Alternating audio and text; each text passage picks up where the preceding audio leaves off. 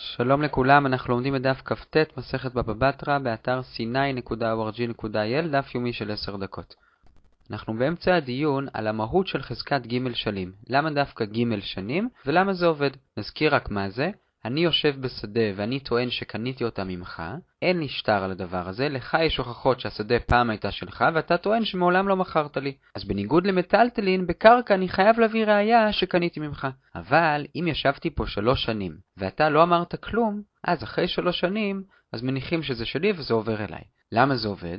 אז בדף הקודם ראינו סיבה אחת של הולכי אושה, שזה רבי ישמעאל, שכיוון שיש פה ספק אמיתי, כי לי מצד אחד אין שטר, אבל אתה מצד שני לא אמרת כלום שלוש שנים, אז השלוש שנים האלה הופכות אותי להיות המוחזק, במקום אותך, המר הקמא, הבעלים הראשונים. ואמרנו שם שלפי הסברה הזאת לא צריך דווקא שלוש שנים, אלא צריך שלוש פעמים. שלוש פעמים מה? אז אמרנו אם יש יבול שגודל תוך חודש, כמו אספסטה, אז גם אם ישבתי שם רק שלושה חודשים, וגידלתי אספסטה מחדש כל חודש, זה גם יעשה לי חזקה. אז זה דעת רבי ישמעאל, אבל עכשיו נראה מקורות למי שחולק על רבי ישמעאל ואומר שצריך שלוש שנים ממש. אז אנחנו ארבע שורות לפני סוף כ"ח עמוד ב', המקור הבא לא מביא סברה, אלא רק מקור מפסוק.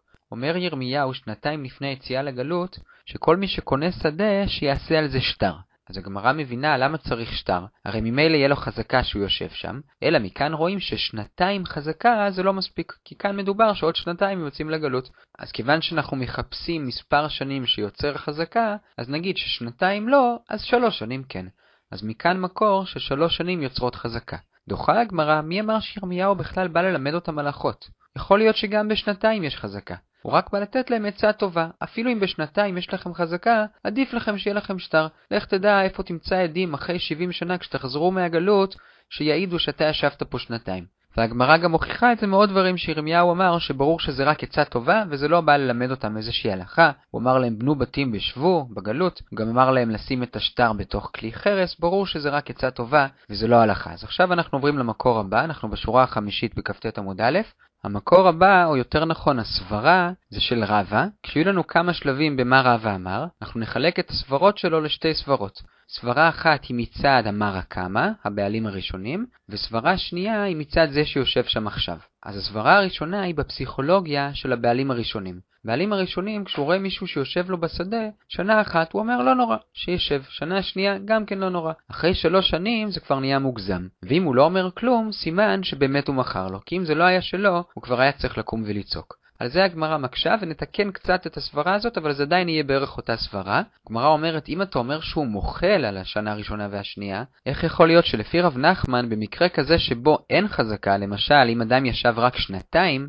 אז הוא צריך לשלם על הפירות שהוא אכל באותם שנתיים. אז אנחנו רואים שהבעלים לא מוכלים לו על אותם שנתיים. אז רבא משנה טיפה את הסברה שלו, וזה אותו עיקרון. במקום לומר שהוא מוכל בשנתיים שלוש הראשונות, נאמר שהוא רק לא מקפיד. כלומר, שנה ראשונה, שנייה, שלישית, לא נורא, שישב שם, אני לא מוכל לו, יום אחד אני אתבע ממנו את זה ואת הפירות, אבל כרגע אני לא מקפיד. אבל אחרי שלוש שנים זה כבר נהיה מוגזם, וכל אדם סביר היה מקפיד כבר, וכיוון שהוא לא אמר כלום, סימן שבאמת הוא מכר לו. אז זה בפסיכולוגיה של מרא קמא, של הבעלים הראשונים. על זה מקשה אביי, ברגע שאתה הולך לפי הפסיכולוגיה של מרא קמא, הרי פסיכולוגיה זה דבר שמשתנה מאדם לאדם. יש אנשים שיש להם הרבה יותר סבלנות, ויש אנשים שברגע שאתה רק נוגע להם בשדה, כמו משפחת בר אלישיב, הם מיד הולכים לבית דין ותובעים אותך. אז איך חכמים יכלו לקבוע ששלוש שנים זה כלל ברזל לכולם?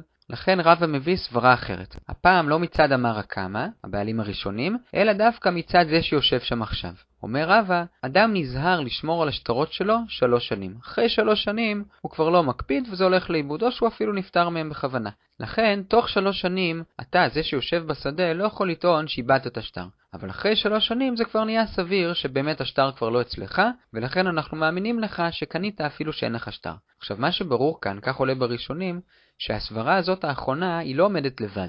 כלומר, זה שזה מובן למה אין לך שטר, עוד לא מוכיח שבאמת מישהו מכר לך. אנחנו עדיין צריכים את הסברה הראשונה של למה הבעלים שתק. אז יש פה כמה הסברים בראשונים איך בדיוק לשלב את שתי הסברות. הרמב"ן אומר שבאמת, מבחינת השתיקה של המרא קמא, ברגע שהוא ראה ושתק קצת, מיד סביר שהוא מכר. אבל מצד שני לך אין שטר, אז רק אחרי שלוש שנים זה מובן גם למה לך אין שטר. אבל החלק העיקרי של הסברה זה זה שהוא שתק. זה מה שגורם לנו להוציא את זה ממנו ולתת לך. הרשב"א אומר שהסברה היא ככה, אתה אמר הקמא יודע שאחרי שלוש שנים אנשים לא נזהרים בשטר שלהם. אם שתקת כל השלוש שנים ופתאום רק אחרי שלוש שנים פתחת את הפה, זה נראה כמו הרמה. כי אתה יודע שעכשיו אם תגיד משהו, לשני כבר אין את השטר שלו. אם זה באמת היה שלך, היית צריך לומר משהו לפני שיעברו השלוש שנים, כלומר לפני שהוא איבד את השטר. בכל אופן, מה שברור כאן זה שאנחנו עדיין צריכים את הסברה הראשונה של למה אמר הקמא שתק. ועכשיו גם בהמשך הגמרא אנחנו נראה שזה בעצם הסברה שמובילה אותנו. ראית שמישהו יושב לך בשדה, למה שתקת? עכשיו רק נסיים את הדיון על הסברה האחרונה, אמר לי אביי בערך באמצע העמוד, אם אתה אומר שהסברה היא שהוא לא יאבד את השטר, אז אנחנו צריכים שהמחאה תהיה בפניו. כלומר, שאמר הקמא יבוא אליו ויגיד לו, אתה יושב לי בשדה. כי אם זה לא בפניו, וזה שיושב שם לא יודע, אז הוא לא ידע להיזהר בשטר שלו. אומרת הגמרא, אני לא דואג. חברה חברה איתלי. לכל אחד יש חברים, ולחברים יש חברים, ולא משנה למי הוא אמר את המחאה הזאת, בסוף זה יגיע גם לזה שיושב שם בשדה, והוא ידע שהמוכר שלו טוען שהוא מעולם לא מכר לו, והוא ייזהר על השטר שלו יותר. אז סיימנו את הסברות, עכשיו אנחנו נכנסים לכמה דיונים בענייני חזקת הבתים. אמר רב הונא, אנחנו קצת מתחת לאמצע עמוד. אומר רב הונא, שלושת השנים צריך שהן יהיו רצופות. אתה לא יכול לשבת חודש, אחרי זה חצי שנה, אחרי זה כך וכך. למה צריך שהן יהיו רצופות? פה זה יותר מסתדר עם הסברה של למה לא אמרת כלום, מאשר עם הסברה של הוא יאבד את השטר אחרי שלוש שנים. כי לכאורה מצד לאבד את השטר, ברגע שעברו שלוש שנים, לא משנה מה קרה במהלך אותם שנים, הוא יכול לאבד את השטר. אבל לפי הסברה של למה שתקת,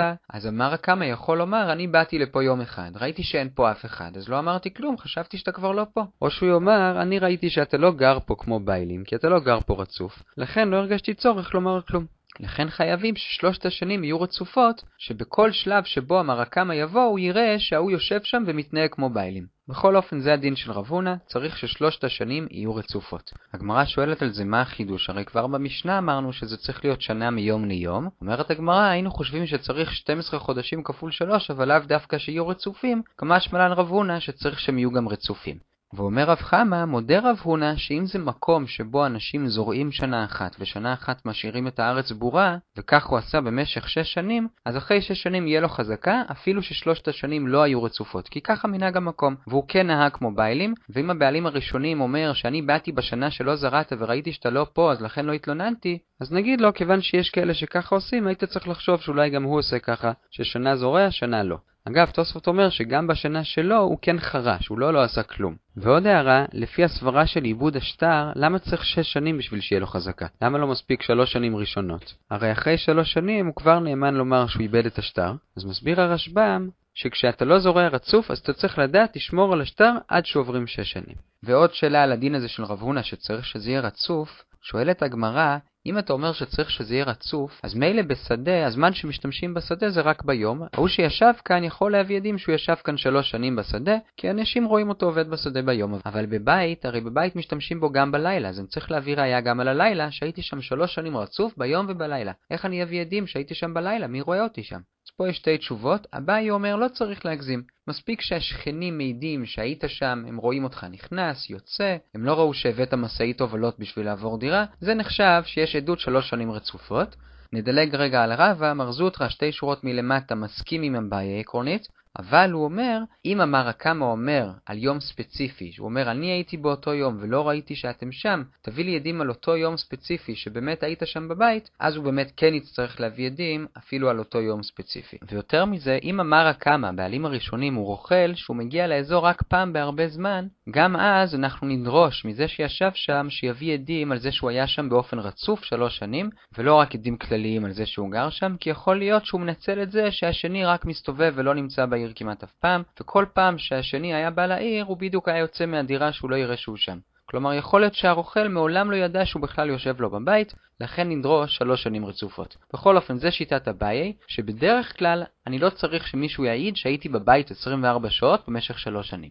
אבל רבא אומר שכן צריך. אני צריך עדים שיעידו שישבתי פה 24 שעות במשך שלוש שנים רצופות. אמנם כמובן שאם הלכתי למכולת זה לא הורס את החזקה, אבל העדים מעידים שגרתי פה גם ביום וגם בלילה. איך אפשר לעשות את זה? אז אומר רבא, צריך להעמיד את זה במצב שבו זה שיושב בבית וטוען שזה שלו, לא ישב שם בעצמו ממש, אלא הוא הזכיר את זה למישהו אחר, הזכיר את זה לשני אנשים, הם גרו בבית, והם הרי יכולים להעיד שהם גרו בבית יומם ולילה במשך שלוש שנים. אבל גם על זה יש הגבלה, אומר רב אשי על פי שאלה ששאל רב יימר, זה דווקא אם הם עוד לא שילמו את דמי השכירות. כי אם הם שילמו כבר את דמי השכירות לזה שישב שם שלוש שנים, אז הם נוגעים בדבר, אז אי אפשר להאמין לעדות שלהם. כי אם יתברר שבאמת זה לא היה השדה שלו, אלא של המרה קמא, אז הם יצטרכו לשלם עוד פעם דמי שכירות. לכן אפשר להאמין להם דווקא אם הם עוד לא נתנו את דמי השכירות. אז זה דיון לגבי בית, לגבי הדין של רב הונא שצריך שלוש שנים רצופות. דבר נוסף, אנחנו בשורה השנייה בעמוד ב', מודה רב הונא בחנויות במחוזה. אלה היו חנויות שהיו משתמשים בהם ביום ולא בלילה, לכן בשביל ליצור שם חזקה, הוא צריך להביא עדים שהוא היה שם רק ביום ולא צריך ללילה. ודבר נוסף בהקשר הזה של רב הונא, רמי בר חמא ורב עוקבא בר חמא, הם קנו אמה ביחד, והם היו משתמשים בה שנה הוא, שנה הוא, שנה הוא, שנה הוא. למה הם עשו את זה? בשביל שאחד לא יוכל לומר שהיא הייתה אצלו שלוש שנים, ואז יהיה לו חזקה.